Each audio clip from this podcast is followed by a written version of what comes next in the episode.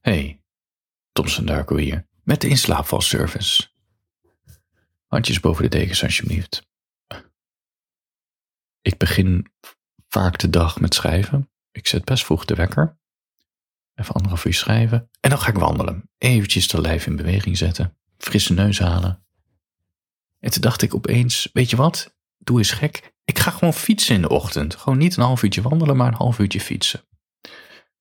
Zonnebrandje ingesmeerd, want ik ben opeens als de dood dat ik er oud uit ga zien. En dat ik huidkanker krijg. Ja, ik weet niet waarom. Het is echt een vreemde, noem het een uh, midlife crisis, vervroegd. Anyhow, ingesmeerd mijn zonnebrandje op mijn fietsje. Ik ben de wijk nog niet eens uit. Het is zo'n kruispunt wat echt al een half jaar elke keer opengebroken wordt. En dan gooien ze alles weer dicht en dan breken ze weer open. Dan zijn opeens de stoplichten verdwenen. Er gebeuren hele vreemde dingen daar. En ditmaal stonden er opeens halve stoplichten van die. Maar ja, het was niet een echte, maar eh, ja. van die tijdelijke met allemaal kastjes erbij. En ik zag aan de overkant een vrouw wachten. Begon opeens over te steken, terwijl er ook allemaal auto's overal begonnen te rijden. Dus nou ja, met gevaar voor eigen leven stak ze over op een heel verkeerd moment. En ze zag mij en ze begon. Uh, doet stoplicht bij jou het ook niet? Nou ja, ik keek naar boven, nog steeds rood. Ik zei, nee hoor, doe het gewoon. Ze passeert me. En ik hoor haar achter. begint ze weer tegen me te praten. Ze zegt zo, hé, hey, er ligt hier een portemonnee. En ik draai me om en ze heeft een portemonnee vast. En oké, er gebeuren twee dingen op dat moment. Ik ga gewoon heel eerlijk zijn met wat er in mijn hoofd gebeurt. Dat is een vrouw die denk ik de midlife crisis al heeft gehad. Ze had een mooie, best wel chique witte trui aan. Een heel mooi stofje. En ik zag er twee tepels doorheen drukken. En dat vond ik al absurd. Want dat kruispunt, het, is, het was echt, nou ja, ik, ben, ik raak heel snel overprikkeld. Als je overprikkeld wil raken, ga gewoon daar nou, laten we zeggen, drie, drie stoplichtrondes. Ga daar staan. Laten we zeggen, uh, rood, groen, oranje, rood en dat een drie keer. Voel me af. Je wordt helemaal gek. Overal fietsers, getuter. Er komt er weer een, uh, graafmachine aan. Er komt er weer een werker aan die een checkje aan het draaien is. Die dan weer de helft van de straat opengooit met een of andere drillboor. Gewoon heavy. En die vrouw begint dan ook nog, ondanks al die prikkels tegen mij te roepen, dat ze een portemonnee heeft gevonden. En ik registreer haar tepels die haar er doorheen drukken. Echt maf, echt maf. En terwijl ik dat zie, denk ik, waarom let ik hierop? Anyhow, ze had die portemonnee vast, echt zoals Gandalf, laten we zeggen, de ring vasthield in het begin van die Lord of the Rings film. Ken je dat? Dan hebben ze zo die ring. En die tovenaar voelt van, ik moet die ring niet aanraken, want het heeft speciale kracht. En dan zit hij zo in dat, in dat eh, vuurtje wat hij maakt met zijn stang. En dan, oeh, dat is de ring. Nou, zo hield zij die portemonnee vast van, hier zit te veel macht bij. ik wil dit ding niet. Voor ik het wist, zei ik: Weet je wat? Geef die portemonnee maar aan mij. Misschien komt deze persoon wel uit mijn wijk en ken ik hem. De grap is, ik ken echt niemand in mijn wijk. Dus überhaupt maf dat ik dit zei. Maar ik dacht, er is nog wel een WhatsApp-groep, wie weet. Dankjewel, dankjewel. Echt die opluchting, want nu was haar probleem mijn probleem. Ik kreeg die zware portemonnee in mijn hand gedrukt.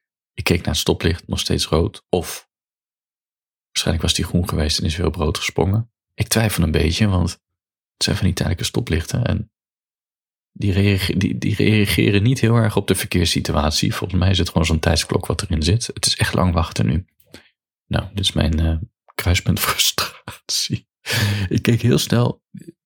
Die portemonnee was best zwaar. Hij viel al meteen open en ik zag een foto van een man en er ging niks opbranden in mijn hoofd. Ik stopte hem in mijn zak, want ik dacht, ja, weet je, ik ga nu. Uh, het is nu mijn tijd. Ik ga gewoon even rondfietsen. Ik fiets mijn, uh, mijn, stadje, mijn stad zie uit. Bos in. Echt joh, heerlijk die lucht in de ochtend. Echt een bossige luchtjes. Ik werd er helemaal vrolijk van. En er was helemaal niemand op mijn uh, fietspad. het was heel groen. Het was donker en het was nog een beetje fris van de dag. Behalve dan als je dan weer een stukje uit het bos was met de zon erbovenop. Toen dacht je, oh ja, het is toch best wel warm. Goed dat ik me heb ingesmeerd. Voorkomt toch weer huidkanker en voorkomt dat ik er ouder uit ga zien. Op een gegeven moment kwam ik bos verlaten, weilanden. Ik zag een bankje, ik dacht ik ga keren. toch maar even gestopt bij het bankje, fiets geparkeerd en de portemonnee gepakt. En echt, ik voelde me echt zo'n regisseur, weet je, die, die een verdachte van een moordzaak heeft, uh, in de boeien heeft geslagen en denkt, nu gaan we eens even kijken wie die moordenaar is. Dus ik doe die portemonnee open en ik begin vakje voor vakje alles eruit te halen. Rijbewijs. Uh, ABN AMRO pas. Ik vond een patiëntenpas van het ziekenhuis. Intrigerend. Ik zag een visitekaartje met het adres van een hotel in Belgrado, Servië. Daar ben ik ook ooit geweest. Dat is een verhaal van een andere keer. Uh, ik zag een bonnetje, een bonnetje van een plek in Belgrado. Ik denk restaurant of zo. Ik zag een zwart-wit foto van een vrouw met grijs haar met van die krullen. Die je krijgt van krulspelden. En het was zo'n foto die je op een grafkist zou zetten. Ja, die, die vibes kreeg ik erbij. En een gekleurde pasfoto van de vrouw. Ja, ik denk uh, mijn leeftijd. Dus moeilijk in te schatten leeftijden, vind ik. Op zijn rijbewijs stond zijn geboortejaar. Er gebeurde iets heel mafs toen ik het getal zag. Hij was drie jaar jonger dan ik. Het gaf echt een heel gek gevoel in mijn buik van teleurstelling. Of van zo van, nou, ik ben ouder. Ik weet niet waarom. Had ik dan toch de verwachting dat ik hoopte dat hij ouder was dan ik? Of was het meer dat ik hem tijdloos eruit vond zien en dan erachter kwam dat hij jonger was? Ik weet het niet. Beetje gek. Ik vond ook een. Um, ik vond ook een papieren kaartje van een huisartsenpraktijk. Met erop bellen in geval van nood. Het zag er best wel heftig uit. Ik dacht gelijk aan die ziekenhuispas. Ik zal het een nierpatiënt zijn of zo. Epileptische aanval. Ik weet niet, maar je weet je, je hoofd gaat gelijk allemaal scenario's verzinnen. En op, op dat visitekaartje stond met een blauwe pen, blauwe pen, een vrouwennaam ingevuld. Al was het dan een buitenlandse naam. Um, stond een adres bij en een telefoonnummer. En het vakje bij haar naam was de heer aangekruist in plaats van mevrouw. Dat vond ik dan weer verwarrend. Er zat ook muntgeld in de portemonnee, die hoorde ik rinkelen. En ik zag nog een drietal pasjes zitten die ik nog niet uitgehaald gehaald. En ik zag wat briefgeld erachter zitten, uh, ingeschoven. Weet je wat mijn hoofd deed? Mijn hoofd deed, wie zou het merken als jij het eruit haalt en in je eigen portemonnee stopt?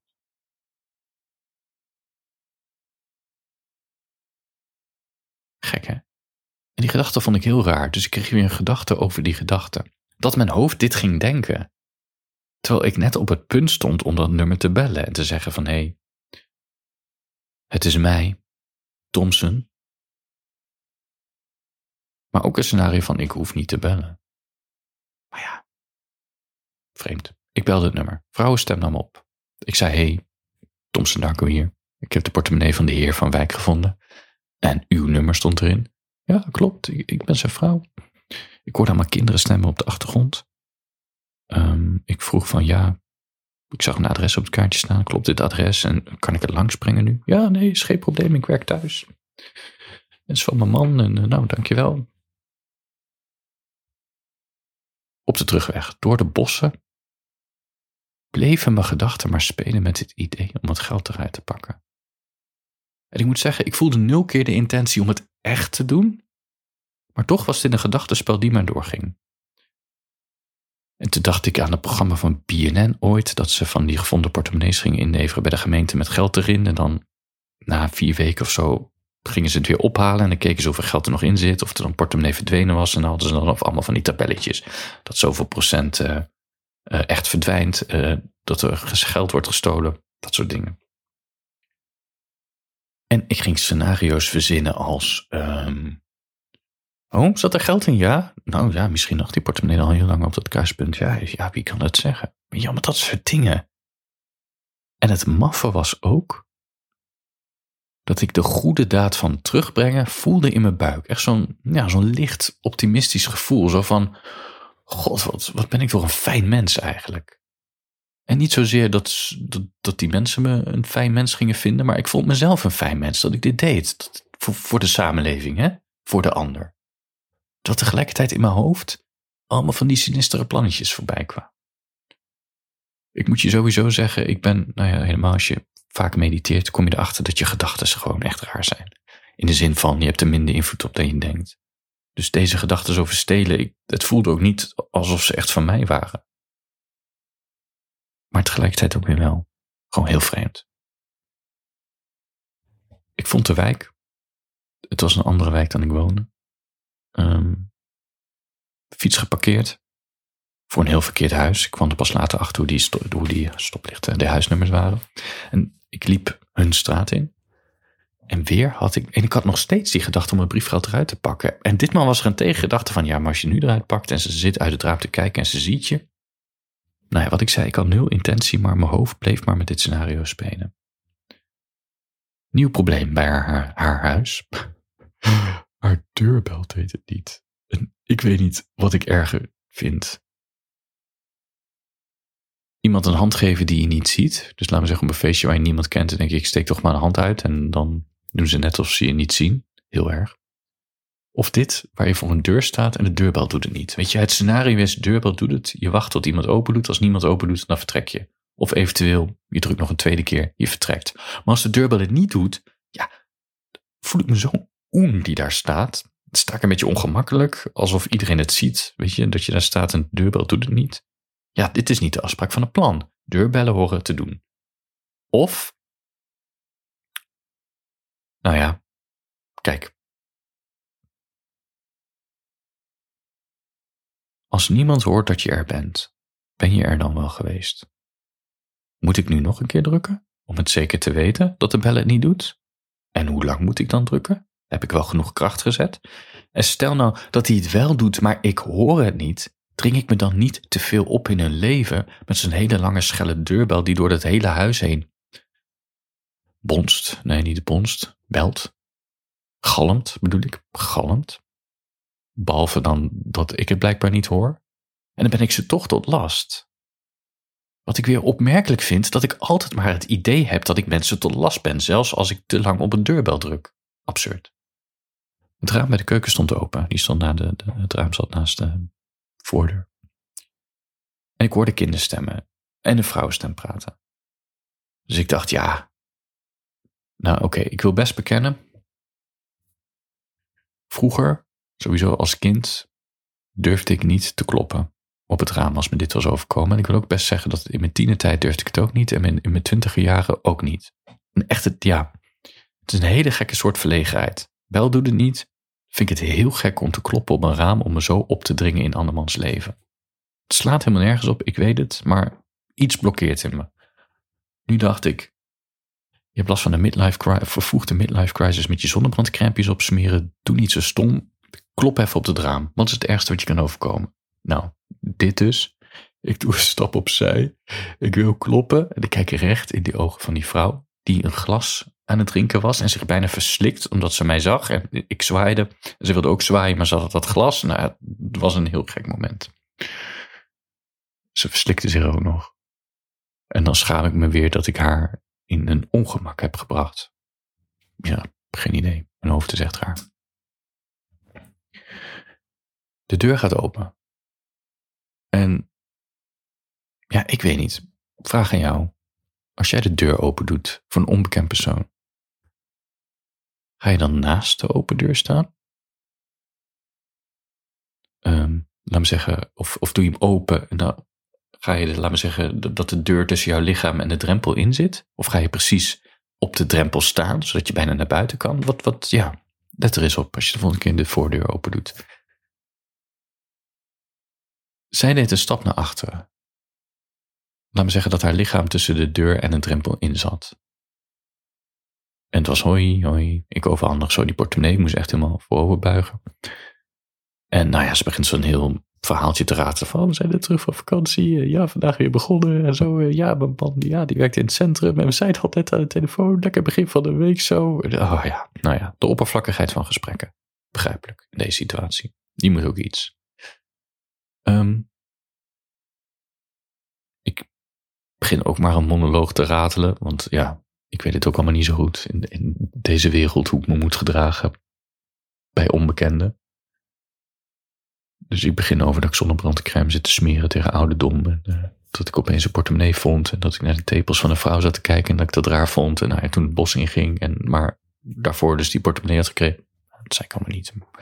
Ik merkte in ieder geval wel tijdens mijn monoloog, weet je, vond hem op het kruispunt, daar en daar, bla bla bla. Ik vond die kloof te groot. Een of andere het idee had ik, denk ik, ik vind het niet zo heel fijn om mijn stem heel luid te gebruiken. Dus ik ging automatisch naar voren met mijn lijf. En toen ik dat deed, ging zij met haar lijf naar achter. Heel, heel gek. Ik denk niet dat ze het in de gaten had, maar ik had het wel in de gaten. Kom ik zo op terug. Ik hoor gestommel boven en ik hoor een kind heel enthousiast papa roepen. En vervolgens, ja, ik kon zo langs haar heen kijken, zo naar de trap omhoog. Um, en dan zag je ook net precies waar de trap eindigde. Daar zou je dan de voeten zien als iemand van de trap afkomt. Maar nu zag ik een kinderkop. Dus een kind lag daar lang uit. Op de eerste verdieping en dan met, zijn, met zijn, ik weet niet eens of het een jongen of meisje was. Zijn of haar hoofd zo een beetje door het trapgat heen naar mij te kijken. En ik zeg hoi en ik zwaai, nul reactie. Top drie irritaties. Deurbellen die je niet doen mensen die je niet kent, maar dan denk je toch, ik moet maar het fatsoen hand geven, die dan niet je hand zien. Twee, kinderen die niks terugzeggen. Het kind zei niks terug. Um, die moeder begon wel een heel verhaal tegen het kind. Oh, dat is die meneer die die portemonnee heeft gevonden, bla bla bla bla. Nou ja, prima. En ik voel al van, zij denkt, ja, ik weet, ik, weet, ik weet ook niet. Ik had ook allemaal scenario's dat ze me zou uitnodigen voor een kop koffie. Terwijl ik dan denk, ik wil helemaal geen kop koffie. Maar ben ik toch teleurgesteld dat ze daarna het gesprek ging afronden en de deur ging dicht doen. Dit is echt gek. Ik ben een extreme introvert. Ik wil geen, alleen het idee al dat ik daar aan de keukentafel bij moet zitten. En sowieso, waarom zou iemand je uitnodigen? En toch, in mijn hoofd, was dat een scenario waar ik rekening mee hield. En dan ben ik dan toch teleurgesteld dat hij niet uitkomt. Soort van. Dus ze zei zo, oh, dankjewel. En die deur begint al dicht te gaan. Nou ja, oké, ja, dankjewel. Ja, oké. Nou, het was nog erger. Ik begon, ik merkte dat zij die deur dicht ging doen en ik zei dankjewel. Dat is ook toch gek. Ik zei zo, dankjewel. En dan, toen ik dat zei, dacht ik, waarom zeg ik dankjewel? Toen zij zei, nee, ja, nee, jij bedankt. Bla, bla, bla. Deur sluit. Mijn lijf draait zich om. En ik vraag me, en mijn hoofd heeft een nieuw probleem gevonden. Dus niet meer stil het geld. Of nee, meer van wat zou er gebeuren als je het geld steelt. Dat was meer de gedachte. Nu begon mijn hoofd zich af te vragen waarom ze haar lijf van me vandaan bewoog toen we aan het praten waren en ik iets naar voren ging om me beter verstaanbaar te maken. En dan gelijk de meest gitzwarte scenario's. Oh, waarschijnlijk omdat ze dacht, zou die het geld eruit hebben gehaald? Of, zo overvalt hij me hier nog en ik ben toch alleen met de kinderen? Of, weet je, komt hij binnen en, nou ja, toch vreemd? Ik vind het echt vreemd. Dit incident met deze portemonnee. Misschien ben ik een overdenker, maar. Mijn lijf, nou dit haal ik uit. Mijn lijf voelt een goede daad. Gewoon echt, ik voelde oprecht. Ik voelde me een goed mens voor een paar uurtjes. Dat effect bleef ook nog eventjes bij me. Ik voelde het in mijn buik, bij mijn hart. Kin omhoog, glimlach op mijn gezicht. Pluk de dag mentaliteit. Ik, ik ben een goed mens, want ik breng een portemonnee terug. Maar mijn hoofd bedenkt git en git en git zwarte scenario's. Over geld stelen, of ze me als een bedreiging zag bij de deur. Of ze me uitnodigde om aan een tafel te zitten. En waarom zou je dat doen? Maar toch teleurgesteld omdat ze het niet deed.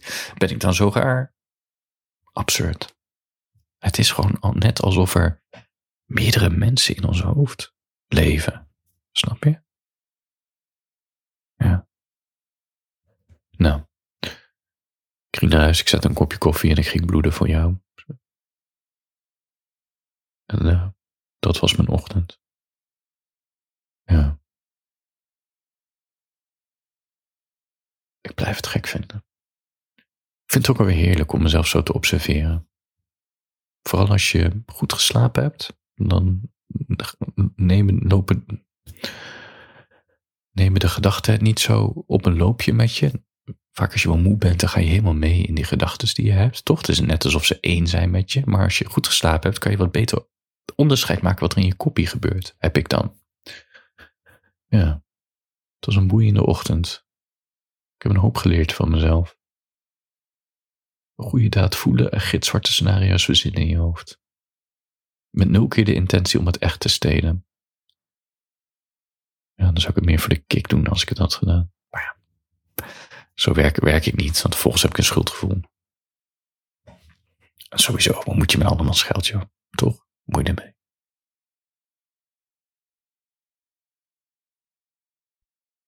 Ja. Handjes boven de dekens. Slaap lekker.